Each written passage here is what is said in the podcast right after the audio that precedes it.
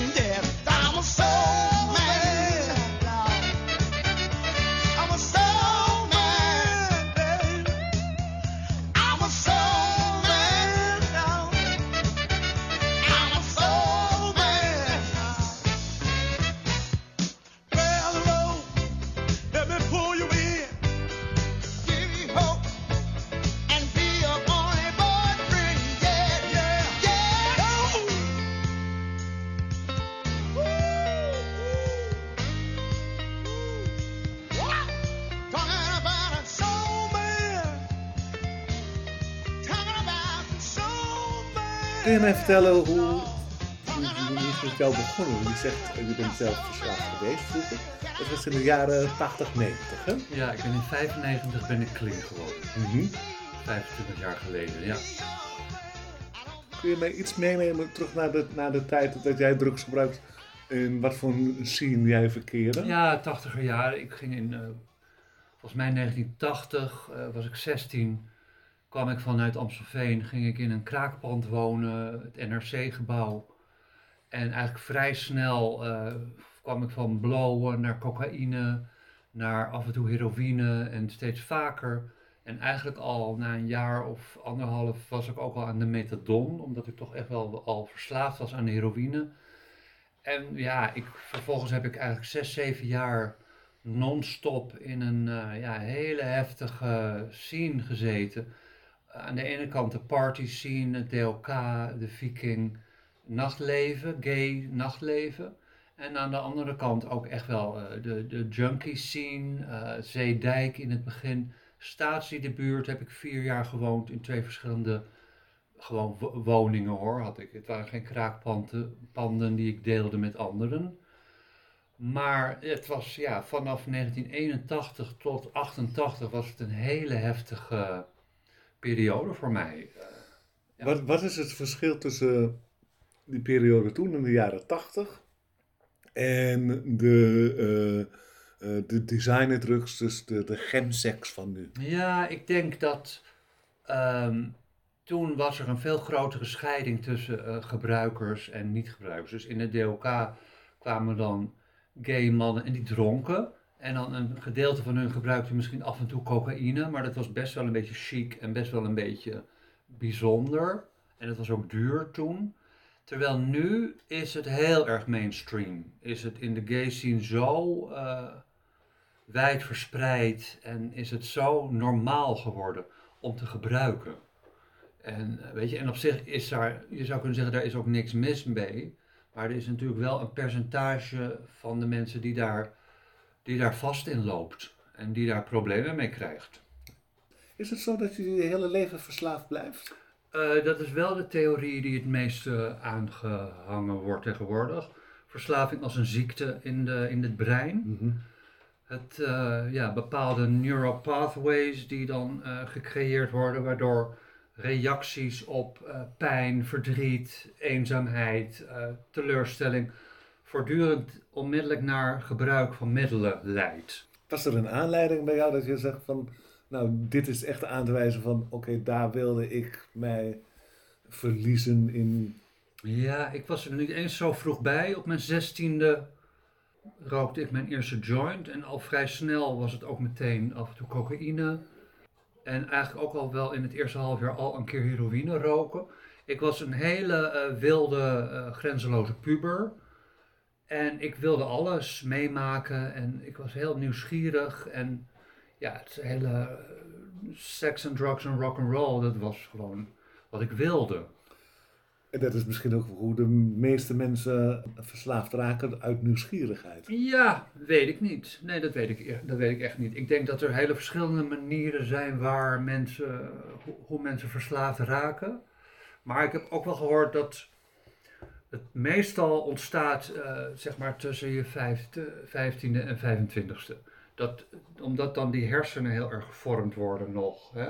Ze hebben onderzoek gedaan naar bijvoorbeeld de hersenen van, van teenagers, pubers, die elke dag blowen. Mhm. En daar is, wordt dan echt, kunnen ze echt aantonen dat daar echt daadwerkelijk eh, schade uh, ontstaat in de ontwikkeling van de hersenen. Bestaat er ook niet zoiets als een verslavingsgen in, in die hersenen? Nou ja, of je, uh, ik weet niet of dat werkelijk, of, dat, of het gen aan zich bestaat. Maar verslaving is een, een erfelijke ziekte.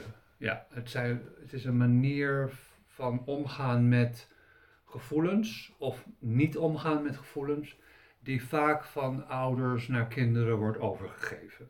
Dus je ziet inderdaad families waar ja, bijvoorbeeld alcohol, het is natuurlijk het meest voorkomende middel waar mensen aan verslaafd uh, raken, omdat het ook zo. Nicotine? Ja, maar nicotine, ja, dat is natuurlijk een middel waar wel, dat wel, uh, waar mensen in hun dagelijks leven heel weinig last van hebben. Ondanks dat je vaak, hè, het, het, het schrikbeeld is natuurlijk kanker, hè, longkanker. En... Nou ja, korte ademigheid vind ik toch wel ja. dat je in je dagelijks leven Ja. last hebt. Maar echt, ja, ik vind, ik merk dat ik, dat ik denk van nou laten we het nou niet over nicotine verslaan. Nee, oké, maar je hebt heel veel. Je hebt een suikerverslaving, Ja, je hebt een, ja, ja. een gameverslaving, en een, Ja. je hebt heel veel verschillende soorten van Ja, het is verslaving. een enorm eh, topic. En dan natuurlijk zelfs zoiets als werkverslaving, hè? Mhm. workaholic. Wat natuurlijk door de maatschappij heel erg aangemoedigd wordt, omdat mensen die succesvol zijn en alles opzij zetten voor het werk wat ze doen, hè? Of kunstenaars, hè? Dat, daar zit iets heel scheefs in. Hè? Mhm. Dan wordt er niet meer gekeken van, functioneert deze persoon nu goed? Hè? En heeft hij ook nog aandacht voor zijn familieleden en zijn vrienden? Of is hij alleen maar aan het werk? Dus dat, ja, verslaving is wat dat betreft in alle facetten van het leven terug te vinden. Ja. En mijn idee erover is dat het de laatste tien, nou misschien wel vooral de laatste tien jaar, enorm veel eh, kennis en eh, bewustzijn rondom verslaving eh, ontstaat. Hè. Televisieprogramma's, hè. RTL 4 heeft dat interventieprogramma Ja. Verslaafd. Dus Jimmy Geduld. Jimmy Geduld, die begon daarmee, 2014. Dus er is heel veel bewustzijn aan het ontstaan rond verslaving. Komt dat ook niet door, ehm, je hebt natuurlijk eh, vanuit de Verenigde Staten, de, de vrouw van de Amerikaanse president Ford, de, de Betty Ford Ford Clinic. Clinic. Ja, En eh, wat ook vanuit Amerika heel groot gemaakt is, is natuurlijk de AA-bijeenkomsten. ja, En dat is natuurlijk een soort van massaliteit waar ondertussen mensen in de hele wereld profijt aan hebben. klopt. AA is uit de dertiger jaren is dat ontstaan. Eh, Dr. Bob en Bill Wilson, die hebben dat samen, zeg maar, eh, dat is ontstaan, kan je het haast het beste zeggen.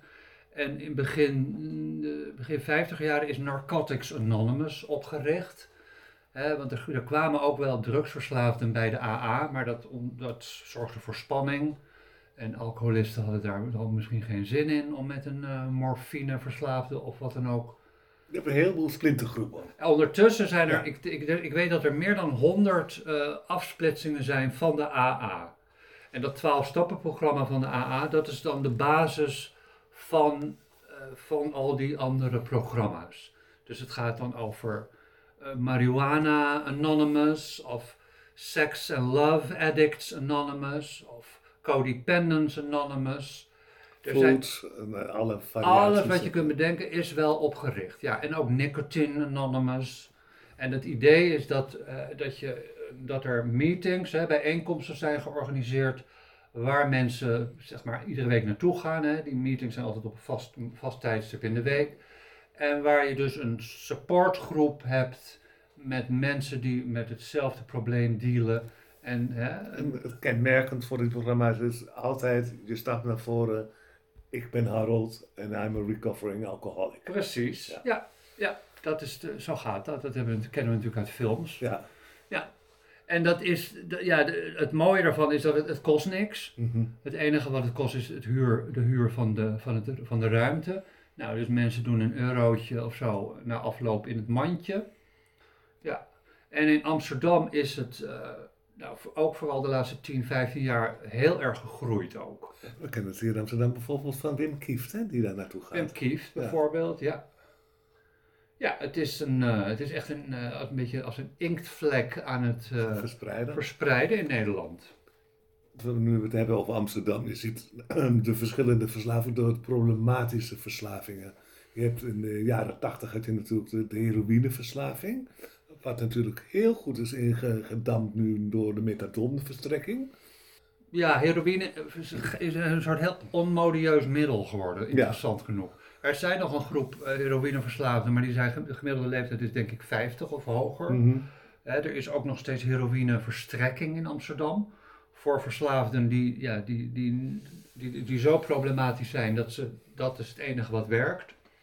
En methadon natuurlijk, dat bestaat nog Methadon. steeds. Eh, je hebt natuurlijk de, de koop, maar dat is meer voor de, de, de elite. maar dat Cocaïne, is zeer nee. massaal geworden. Ja, ja, cocaïne is heel erg mainstream. Me- ja. Want het kostte 20, 30 jaar geleden kostte dat nou, 200 eh, dollar, gulden of zo. En dat kost nu 50 euro voor een gram. Dat is echt heel goedkoop. eh, ja. Je in de dansscene heb je natuurlijk de ecstasy, Ecstasy, ja. MDMA. MDMA. En je hebt natuurlijk, eh, waar het ook heel problematisch voor, voor, voor de jongere generatie de wiet- en de hashverslaving. Nou ja, kijk, het punt is natuurlijk, wanneer wordt het problematisch? Ik denk dat er heel veel mensen zijn die af en toe naar een festival of een concert gaan en een ecstasy of een pilletje nemen of wat MDMA of, of wat blowen of wat drinken. En gewoon maandag weer, weer, nou fris of niet fris, maar gewoon weer aan het werk gaan. En waarvoor het niet een probleem is. Ik denk dat dat verreweg de grootste groep is. Het is een kleiner groepje die eh, uit de bocht vliegt hiermee. Op welk punt wordt het problematisch? Ja, dat is een goede vraag. En ik denk dat, die, dat dat voor iedereen anders is, dat moment. Maar de, ja, de, de duidelijke tekens zijn natuurlijk eh, verwaarlozing, hè, lichamelijke aftakeling, eh, verzuim op werk, dat dat niet meer lukt, geldproblemen. Hè, dat zijn natuurlijk de eerste de drie duidelijke kenmerken. Als ik het moet duiden, dan zeg ik altijd op het moment dat mensen het nodig hebben om te kunnen functioneren. Dat is ook een goeie. Ja. Dat je niet meer functioneert zonder het middel. Ja. Ja, maar er, dat, is- dat is Dat dekt niet, de niet, dat misschien. dekt niet, nee, nee, want er is ook, er zijn ook mensen die wel gewoon hun fulltime baan hebben, elk, vijf dagen per week werken en dan daarnaast toch nog verslaafd zijn, s'avonds, de weekenden. En dat noemen we dan de functionele verslaafden. Maar dat zijn er ondertussen, dat is ook het grootste aantal. Mensen die het voor de buitenwereld nog wel bij elkaar kunnen houden, maar in hun eigen privéleven is het een chaos.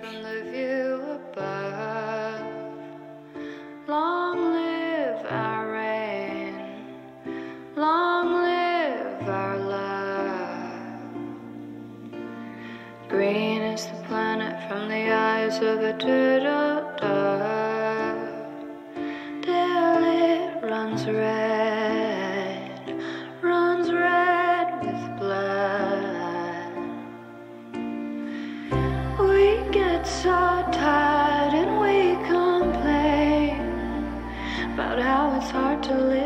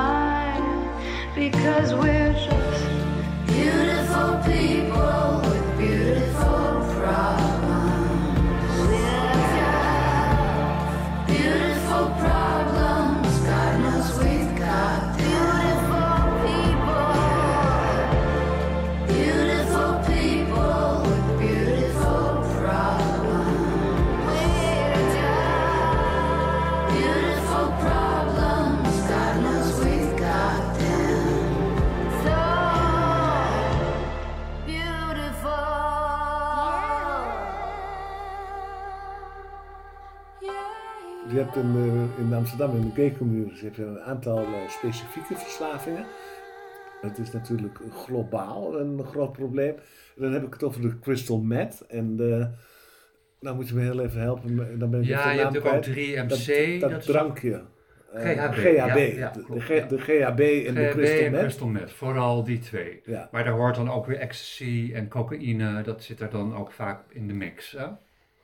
Dat zijn hele specifieke seksdrugs, wordt dat ook eh, genoemd. Ja, GHB is ook in Nederland, ook in de, in de gewone, ge- gewoon. In, in, in straight eh, circles is, is dat ook wel een probleem hoor. Mhm. Jongelui die daar ook ernstig verslaafd aan raken. GHB is natuurlijk een heel gevaarlijk middel. Op het laatst moet je dat dan ieder uur nemen. Hè? En dan moet je zelf s'nachts je wekker zetten, anders gaat het helemaal mis. Dus afkicken daarvan is ook heel ingewikkeld.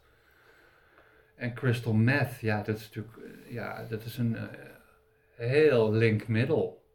Wat enorm verslavend is. Het schijnt dat het acht keer zoveel dopamine eh, losmaakt in je hersenen dan cocaïne. En de combinatie met seks. Ja, ik, ik heb 25 jaar niks meer gebruikt. Dus het is voor mijn tijd. Ik heb wel veel amfetamine gebruikt. En dat is een, dat is een broertje van Mhm. van crystal meth. Want crystal meth is ook pervertine, hè, heette dat vroeger. En dat is ook wat, het schijnt dat koningin Wilhelmina dat gebruikt heeft jarenlang en Hitler. Dus het is niet zo dat het een nieuw middel is. Maar het is in de, in de negentiger jaren is dat vooral in Amerika Ik opgekomen. dacht dat het een designerdruk was. Het is, ja, je weet, de- hoe heet dat, die tv-serie in Amerika, Breaking Bad? Mhm. Dat gaat over een man die dat zelf maakt in zijn, eh, in zijn keukentje. Dus het is een, een zelfgemaakt middel. Wat doet het, die drugs met? Het is euforisch, maar waarom is het zo geschikt dat mensen zich totaal verliezen in een soort van seksuele roes? Ja, nou ja, dit is natuurlijk alleen maar van horen zeggen. Hè, Heb Mhm. ik dat, eh, omdat ik dit zelf niet heb meegemaakt. Maar het schijnt heel erg de remmen los te maken en dat er een soort slut-appeal eh, ontstaat. En ook wat ik heb gehoord is dat het ook makkelijker is om grote objecten anaal eh in te brengen. Slash eh, visten. Dat dat daardoor ook makkelijker wordt. Ja. Maar dit is, heb ik alleen van, eh, van horen zeggen. Laatst bij Jinek hebben we een Oh ja. ehm, Rick gehad, die voor de zoveelste keer was afgekikt. Nou, hij was twee weken clean. Dat noem ik geen afkick hoor. Oké, maar goed. Hij zat daar zeer, zeer emotioneel. Ja, heel heftig was het. Ja, wat het gevaarlijke is van crystal meth, dat is eigenlijk, voor zover ik weet, het enige middel wat dat heeft. Nou, eh, dat geeft eh, hersenbeschadiging. Mhm. Na jaren eh, crystal meth gebruik gaan er wat kortsluitingen in de hersens ontstaan. En dat is echt problematisch. En dat is ook bij volwassen mensen bedoel je? Ja, juist. Dat is niet alleen in de ontwikkeling Nee, nee, tussen nee, de nee. 15 Dit en de is- 25. Dit is wat crystal meth doet na, ik weet niet, ik weet ook wel van iemand waar dat al na een jaar of twee, drie gebeurde, dat er heftige paranoïde eh, verschijnselen ontstonden. Echt overal complotten eh, voelde en eh, camera's en dat gebeurt dan tijdens het gebruik. Maar bij hem was dat ook weken nadat hij eh, gebruikt had, bleef dat. Dus het doet iets in de hersenen. Vraag me niet de details of hoe dat, hoe dat precies Dat is werkt. vrij verwoestend. Het is heel verwoestend en dat is onherstelbaar. Dus crystal meth geeft onherstelbare hersenschade. Maar GHB volgens mij ook. Moet ik zeggen, ik ben ooit een keer iemand tegengekomen. Een fit boy. Zeer fit. Ja, Altijd sporten. ja. Ik zeg, wat is er met jou gebeurd? Ja, ik had een GHB-verslaving. Nou, ik wist niet wat ik zag. Het was een totale aftakeling van, van uiteraard van, van, van je présence natuurlijk. Maar hij, had ook, hij kon zich ook fysiek moeilijk voortbewegen. Oké. Vond ik heel heftig om te zien. Ja. Ja, nee, dit, dit weet ik niet. Eh, ik, ik ben wat dat betreft niet een, eh, ik ben geen dokter. Ik Nee. ben geen- maar ja, het is, eh, ja. Ja, het zijn hele, hele heftige middelen. Ieder weekend komen de mensen naar Amsterdam. Ieder weekend opnieuw komen mensen hiermee in aanraking. Ehm, Ja, dat is natuurlijk het probleem. Dat jonge mensen die in Amsterdam in de scene komen, dat die heel snel eh, blootgesteld worden aan dit soort heftige. En ook het slammen, hè, dat vind ik natuurlijk op zich ook. eh, wat is slammen? slammen is injecteren. Mhm. Vind ik persoonlijk ook heel, eh, vind ik ook heel heftig. Ik heb dat zelf ook gedaan eh, in de tachtiger jaren, dus ik heb daar ook wel een beetje een, eh, een aversie tegen. Maar weet je, als je, ja, jonge mensen die, er, die, komen daar, die worden daar heel snel mee, eh, komen daarmee in aanraking. Dat vind ik echt wel, eh, vind het persoonlijk gewoon heel donker en Mhm. heel negatief en eh, Het is heel verslavingsgevoelig, maar het kan gebeuren dat je daarmee in aanraking komt. Stel je voor, je hebt een paniekreactie na zo'n weekend. Waar ga je naartoe? Waar haal jij hulp? Ja, er zijn natuurlijk verschillende, eh, verschillende instellingen die met verslaving eh, dealen. Is- Maar is er één keer gebruik ook een verslaving? nou, dat is natuurlijk het probleem. Wanneer wordt het een probleem? Hè? Kijk, zijn- je, bent, je komt uit Zandpoort Noord en je bent een weekendje Amsterdam en je komt op zo'n feestje terecht en je laat je in je enthousiasme eh, gebeurt er wat en, en achteraf heb je heel veel spijt. Is het dan verstandig dat je direct hulp gaat zoeken? Nou ja, dan is er natuurlijk niet, geen sprake van, eh, van verslaving. Dan is er een crisis misschien en dan kan je 112 bellen. En dan komt er een eh, ambulance of Nee, maar ik, ik heb het niet dat iemand eh, een overdosis heeft gekregen, maar eh, die is, is, is thuis en die denkt, oh mijn god, wat heb ik gedaan? Ja, er zijn natuurlijk ongetwijfeld drugs, helplines. Maar dit is op zich een ander verhaal. Je hebt natuurlijk het incidenteel gebruik, Mhm. wat waarschijnlijk heel veel mensen wel eens meemaken. En dan is er het stukje waar mensen al heel lang naar mee bezig zijn en afgegleden zijn in een verslaving. Ja. Dat zijn toch twee verschillende dingen. Oké, Ja. maar laat, dat, laten we dat ook vooral even heel duidelijk Ja, Ik zeker. zal straks even de namen en rugnummers noemen waar mensen zich tot toe kunnen wenden. Prima, ja. Want je hebt bijvoorbeeld, dat kan ik dan wel noemen, de, de Mainline, die, eh, dat is een organisatie voor druggebruikers. En daar, die hebben dan ook een, eh, een loket, of daar kan je dan mee appen of bellen. Eh, mannen die problemen hebben gekregen met eh, crystal meth gebruik, vooral dan met, met chemsex. Mhm. En daar wordt dan eh, ondersteuning aangeboden en gekeken wat nodig is. Ja. En of, het, hè, of er een jellyneck, eh Zo'n eerste contact gaat dat altijd anoniem?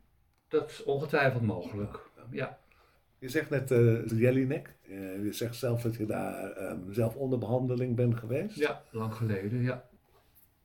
Hoe ben jij toegekomen om te stoppen met, met, met drugsgebruik? Nou, in eerste instantie was dat op mijn 25ste, toen ik heel erg, eh, ja, wat ik al noemde, eh, speed verslaafd was. Speed aan het spuiten was. Ik gebruikte heroïne, methadon. En ik kreeg valium van de dokter en ik blode en ik dronk. Dus dat was een heel palet eh, menu van middelen. En ik, had een, eh, ik was in slaap gevallen bij een kaars en die had een gordijn in de fik gestoken. Ik was bijna eh, omgekomen in een brand. Ik hing uit een raampje naar adem te snakken. Toen werd ik pas wakker. Dus ik, ik had, ik had twee nachten niet geslapen. Het was een soort hele heftige, heftige crisis. Toen ben ik bij een vriend gaan wonen buiten de stad een tijdje. En toen kwam ik in contact met een oude vriend die, die zich had laten opnemen.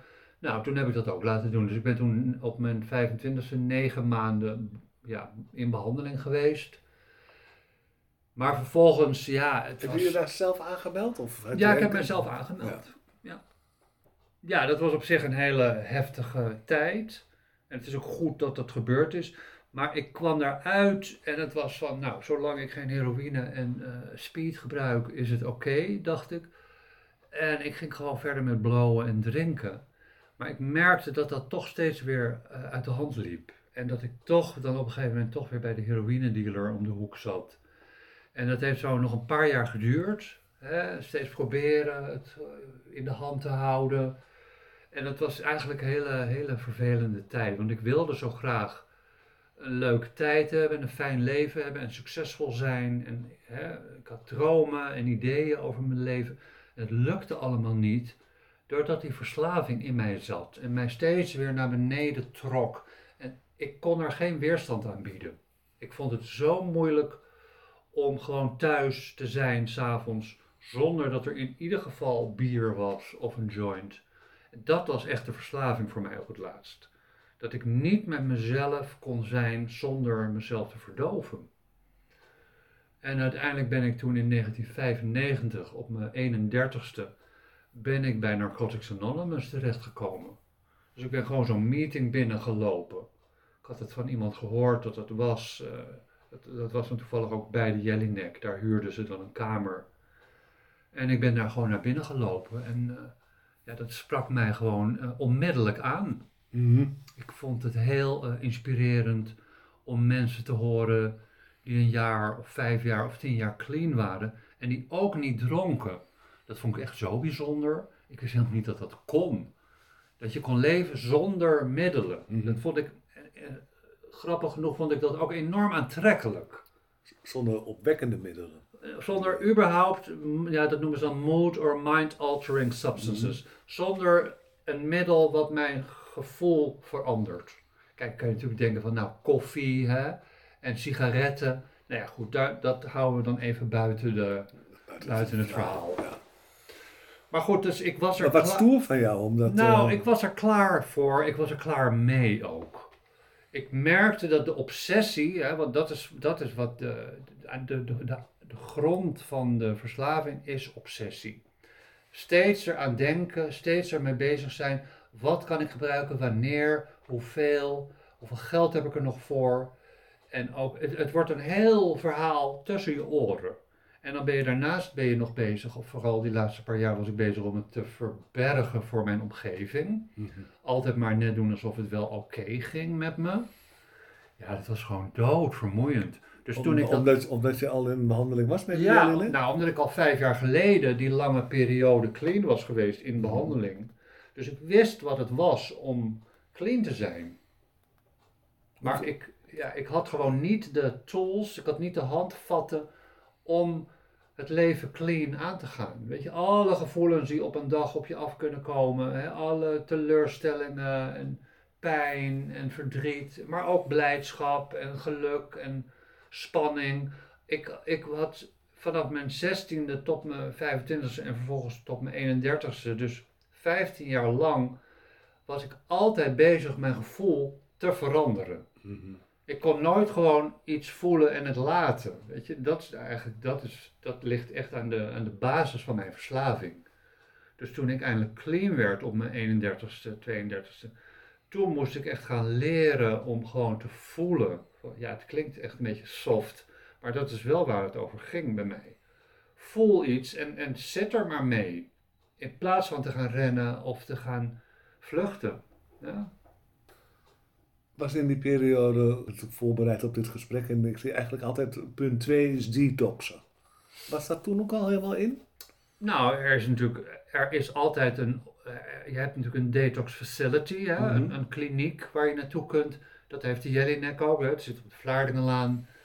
Daar kan je naartoe als het bijvoorbeeld GHB of eh, heroïne of drank, hè? drank is Mhm. natuurlijk ook heel gemeen. Als je heel veel drinkt, dan kan je daar ook niet zomaar mee stoppen. Hè? Dat is ook gevaarlijk, kan je insulten krijgen. Dus er bestaat een detox waar je heen kunt. Een week of Mhm. twee weken of zelfs langer nog. Maar het detox betekent natuurlijk gewoon ontgiften. Ja. Dat kan je natuurlijk ook gewoon zelf doen. Ja. En ik heb dat toen ik bij de NA terecht kwam, bij Narcotics Anonymous. Toen heb ik de eerste zes weken in een heel rustig tempo ben ik met alle middelen gestopt. Dus de eerste week, na een week nam ik mijn laatste wijntje. En na twee weken nam ik mijn laatste joint. Na drie weken nam ik mijn laatste valium. En in die tijd nam ik iedere paar dagen een half pilletje methadon minder. Dus ik heb mijzelf gedetoxed in zes weken tijd.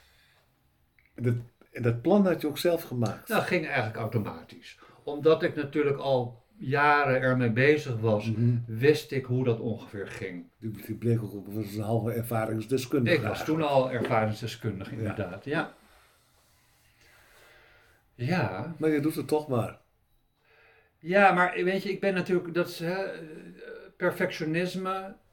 Ik, had ook, ik ben iemand die niet met, ja, die niet met een verslaving kan leven. Ik wil gewoon all the way gaan. Weet je, het is een wonder dat ik het allemaal overleefd heb. En ik wil gewoon een goed leven leiden. Ik wil gezond zijn, ik wil me goed voelen, ik wil lekker kunnen sporten, ik wil lekker seks kunnen hebben. Dat kan allemaal niet als ik naar de kloten ben. Dus het is gewoon een bewuste keuze voor het leven geworden. Weet je, ik ben niet iemand die één wijntje drinkt en dan eh, vervolgens overgaat op thee. Dat zit niet in mij. Dus dat heb ik op een gegeven moment. Dus helemaal geen wijn. Nou, te- tegenwoordig heb je trouwens hele goede eh, alcoholvrije wijn. Hè? En ook de 0,0 biertjes zijn echt heel goed. Maar dat doe ik misschien één keer per maand of één keer per twee maanden. Ik koop dat zelf niet.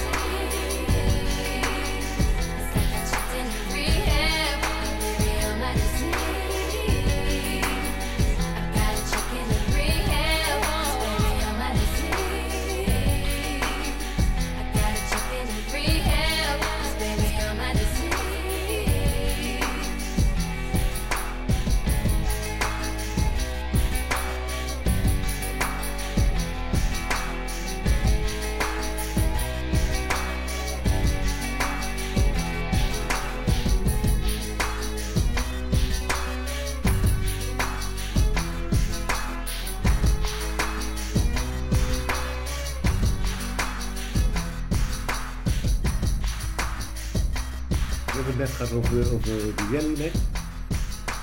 Je werkt nu zelf ook in, in, in de hulpverlening. Ja, ik ben eh reïntegratiecoach en herstelcoach. Eh, ik werk zelf bij Ruis Coaching. Dat is een bedrijf die wordt door het UWV ingehuurd. Mhm. Voor mensen die een uitkering hebben, een ziektewetuitkering of een WW-uitkering, met verslaving te maken hebben. Die Mhm. of in actieve verslaving zitten, of uit een behandeling komen en hè, hun leven opnieuw moeten gaan opbouwen. Maar je werkt toch ook bij, bij, bij een interventie? eh, ja, dat is, dat is mijn tweede baan. dat is je tweede baan. Ja. Oké. Dus het, ja, het zijn twee verschillende dingen. Het ene is dus via het UWV, die huurt ons in voor trajecten van vijf of zes maanden of soms een jaar. Een werkfit traject. Mhm. En dat is, eh, ja, daar ben je eigenlijk heel bewust naar een doel aan het toewerken. Mhm. Coacht mensen die verslaafd zijn of, zijn of, of clean zijn van hun verslaving. Mhm. Dat noemen we dan in herstel. Noemen we Mhm. dat dan. Het andere is eh, eh, interventie, eh, interventies en recovery coaching. Ja, dat is een ding. Nou, het interventiestukje, dat ken dat noemde Wa- ik Wanneer gaan al. mensen interveren? Ja, je haalt dus me, ja, je, je confronteert, je gaat naar mensen toe waarvan volgens de omgeving het verslavingsprobleem uit de hand is gelopen of aan het lopen is. Het is altijd de omgeving die Ja, het interventieteam de- ja, inschakelt. De, de, ja, de omgeving schakelt de interventionist in, of het interventieteam. Mhm. En eh, op het moment dat er een, eh, de interventie plaatsvindt, dan moet er al geregeld zijn dat er een kliniek klaar is waar de persoon naartoe kan. Soms een eh, ticket moet al geboekt zijn als ze bijvoorbeeld naar Zuid-Afrika of Schotland gaan voor behandeling. Dus dat is een hele eh, organisatie. Waarom zijn dat de klinieken altijd in het buitenland? Eh, het is goedkoop in Mhm. bijvoorbeeld Zuid-Afrika vergeleken met Nederland. Ja. Eh, en daar is ook meer ervaring met het Minnesota-model. Dat is wat ze het 12-stappen-model noemen. En het is misschien anoniemer voor de mensen. Het is fijner dat ze ook bij hun, in hun omgeving weg zijn. Ja. Ja, precies. Dat is een belangrijk punt. Eh, je gaat naar Zuid-Afrika en je kent daar niemand en je kunt ook niet zomaar weg. Nee. Dus je zit daar in een kliniek en het is het enige wat je daar te doen hebt. Als je hier zeg maar in een kliniek in Amsterdam-Zuid zit, dan is het makkelijker om de deur uit te lopen en eh, hè, vijf minuten later zit je in de koffieshop, om Ja. wat te noemen. Kijk, wat een belangrijk onderdeel ook is, eh, in mijn opinie, van het zeg maar Minnesota-model en van de manier waarop het bijvoorbeeld Narcotics Anonymous werkt.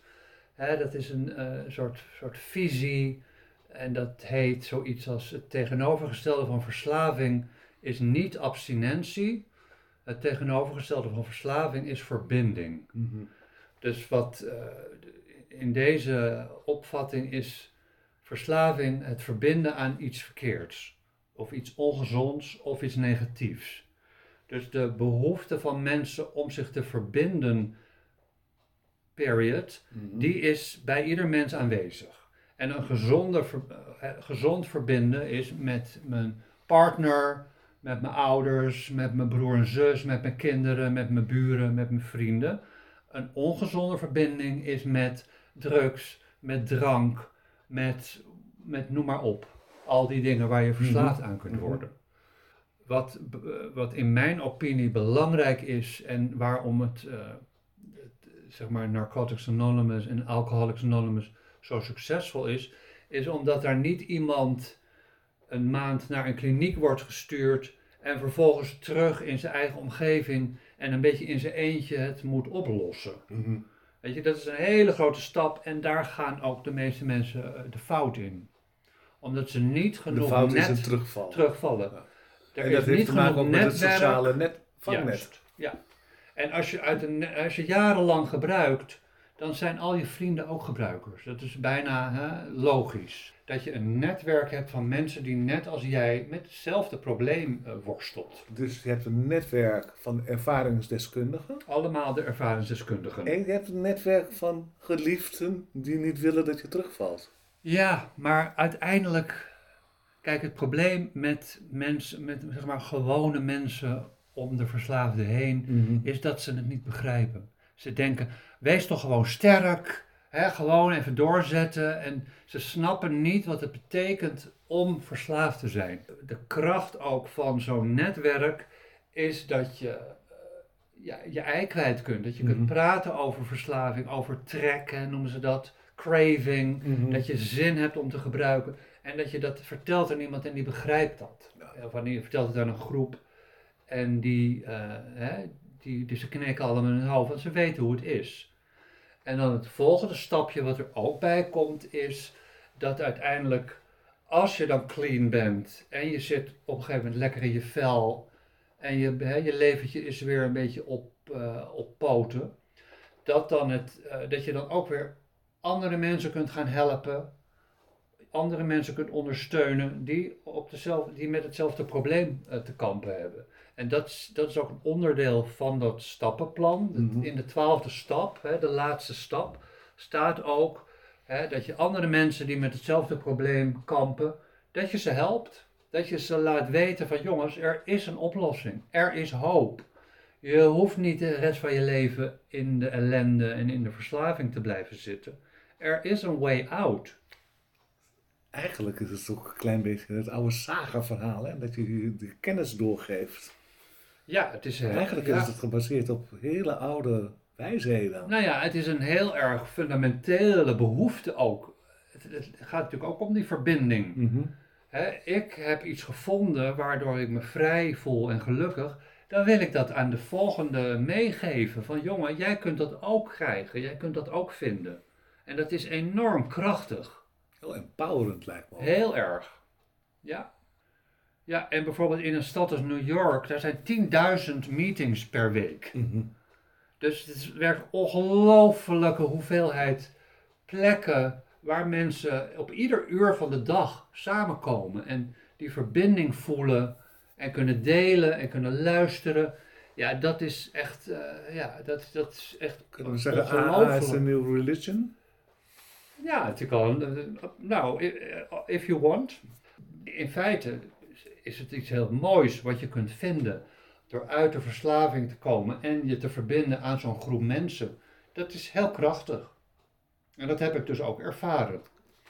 Komt die kracht misschien ook omdat eh, de meeste verslaafden in, door de maatschappij au generaal toch een beetje als de paria van Tuurlijk. de maatschappij wordt gezien? Tuurlijk, maar dat is ook zo belangrijk, dat je met gelijkgestemden bent. Het punt is, als je dus naar zo'n kliniek gaat en je komt terug in je oude omgeving, mensen snappen het niet. Ze denken dat je, hè, ze snappen verslaving niet. Wat moet ik begrijpen aan een verslaving? Dat het niet eh, weggaat. Mhm. Dat het niet na een maand in een kliniek, dat, het niet na, dat je na twee weken zegt, nou niet zeuren, je bent nu naar de kliniek geweest, het is voorbij. Mhm. En dat, de, kijk, ze noemen verslaving wel, eh, het is zoiets als een, eh, een bal die je onder water probeert te houden. Mhm. Hij popt altijd weer op andere plekken op. Dus het risico van een eh, verslaafde die clean is van middelen, is dat hij bijvoorbeeld eh, porno verslaafd wordt of shoppen. En dit is allemaal op het niveau van de AA. Maar jij hebt dat verder geprofessionaliseerd. Nou, ik heb dus, doordat ik ben gaan werken voor het, ehm, voor het eh, coachingsbedrijf, ik ben nu sinds eh, een paar maanden ook mijn eigen, eigen toko begonnen. Dus ik heb een website waar ik recovery coaching eh, aan eh, bied en interventies. En een zeg maar de combinatie van interventionist en recovery coach. Dat noemen ze recovery specialist. Dus mijn, mijn website is Recovery Specialists Amsterdam. En dat doe ik met een paar collega's samen. Dus wij bieden dat aan en ik doe dat specifiek voor de Engelstalige eh, gemeenschap. Ja. Er zijn in, in Nederland al een paar eh, mensen die dat ook doen. Eh, bijvoorbeeld Jimmy Geduld, die je noemde. die dat gewoon voor de Nederlandse En markt waarom, waarom heb jij gekozen voor de Engelse gemeenschap? Nou, omdat het, we hebben natuurlijk een enorme grote expat community Mhm. in Amsterdam specifiek. En daar is niks voor, want de, de Jelinek is niet ingesteld op, op anderstaligen. Vind je het ook interessant omdat het wat verder van jezelf afstaat? Nee, ik heb zelf, tw- ik heb twaalf jaar in Zuid-Afrika gewoond. Eh, en in de negen jaar Johannesburg, drie jaar in Kaapstad. Eh, De laatste zes jaar in Johannesburg had ik een bed and breakfast. En eh, in Kaapstad had ik een safe house. En dat is, ik, had, ik heb gewoon een huis gehuurd met vijf slaapkamers. En daar had ik acht bedden voor cliënten die ook weer uit een eh, kliniek kwamen. Dus die in een behandeling waren geweest. En die dan een maand of drie maanden of zes maanden in mijn huis konden wonen. Ja, in een veilige omgeving. Daarom noemen ze het een safe house of een halfway house. Eh, dat, is- dat is een manier om te wennen aan het leven in de maatschappij. Mhm. Dus mensen gaan als het goed is weer naar hun werk. En dan is er nog ook een, een controle-element. Eh, bijna standaard wordt aangeraden voor mensen die in een kliniek zijn geweest. Mhm. om een paar maanden in een, eh, in een halfway house of een safe house te gaan wonen. Eh, dus ook om, om, de, de, om, om het leven aan te leren zonder te gebruiken. En ook weer En met... om leren omgaan met alle prikkels van dien. Juist, En alle exact. teleurstellingen van Juist, dien. ja. En, En, alle vreugde van die. en dat te delen met mensen die hetzelfde meemaken. Ja. Precies. Want we hebben nou een aantal genoemd. Wat zijn nog meer triggerpunten? De, de, de vreugde, de teleurstellingen, de... de- Verveling is denk ik een hele belangrijke. Ja. Ja, en ook isolement. Hè? Dat als je dus niet meer bijvoorbeeld naar die meetings gaat en je zit een beetje thuis op de bank en je gaat je eh, en dan ook eh, hè, isolement en zelfmedelijden noemen Mhm. ze als de twee grote triggers voor terugval. Dat je jezelf zielig gaat vinden. Ach, wat is het leven toch kut? Wat heb ik toch een, wat is het toch naar? En kijk mij nou in mijn kamertje zitten. Dat. Ja. De verslaving is eigenlijk een hogere macht hè, die je helemaal in de greep hebt. Mhm. En als je, als je het gebruik wegneemt, dan is er een behoefte aan een andere hogere macht. Een positieve hogere macht. Zielenrust. Dat is natuurlijk het doel. Mhm. En dat, eh, wij noemen dat dan inderdaad een hogere macht. Hè, en die is dan liefdevol en niet veroordelend. En, eh, en in het stappenplan staat ook het woord God. En dan staat er ook meteen weer God zoals jij hem begrijpt. Er is een soort slogan, eh, het gat in mijn ziel, hè, the Mhm. hole in my, in my gut. Dat is door niets te vullen. De leegte, hè. De- niet door geld, niet door succes, niet door eh, mooie spullen. Het enige waardoor dat te vullen is, is God. En dat noemen ze dan de God-shaped hole. En dat is, ja, weet je, kun je natuurlijk invullen eh, zoals je zelf wilt. Van wat is dat dan? Hè, en wat is God? Nou ja, daar kan je nog een programma over vullen. Ja. Maar hoe heb jij dat gedaan? Ja, ik ben, dat is ook een enorme, ja, een enorme eh, weg heb ik afgelegd van heel erg daarmee bezig zijn met meditatie en met affirmaties en dankbaarheidlijstjes, opschrijven waar ik dankbaar voor ben. Hè. Dat is, er zijn heel veel verschillende aspecten waar je, hoe je, hiermee, hoe je hier aandacht eh, aan kunt geven. Ja.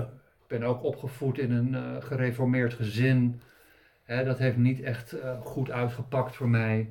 Dus ik heb wel echt een zoektocht moeten maken naar een positieve beleving van spiritualiteit of God gebruiken we dit ook allemaal in, in, in de cursussen met mensen die je naar werk begeleiden. Zeker, eh, ja. Dat is zeker onderdeel eh, van het eh, proces. Van hoe sta jij daarin? Wat zijn jouw gevoelens of ideeën daarover?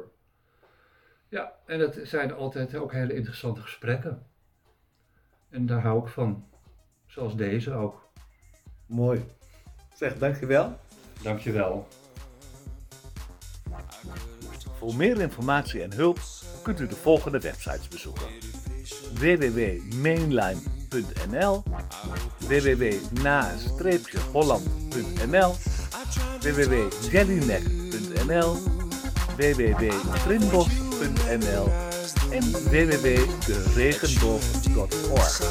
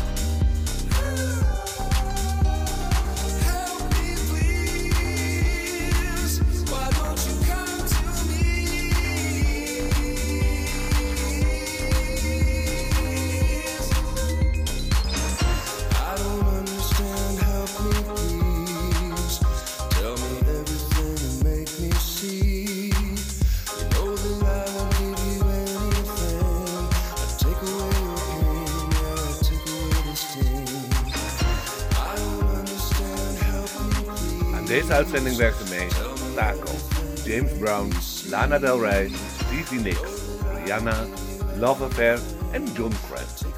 17 april is er weer een uitzending van Studio 45. Be safe, stay strong en tot volgende maand. Dit was NVS Radio. Voor meer informatie en media ga naar www.nvs.nl. Brooklyn X Gay Station.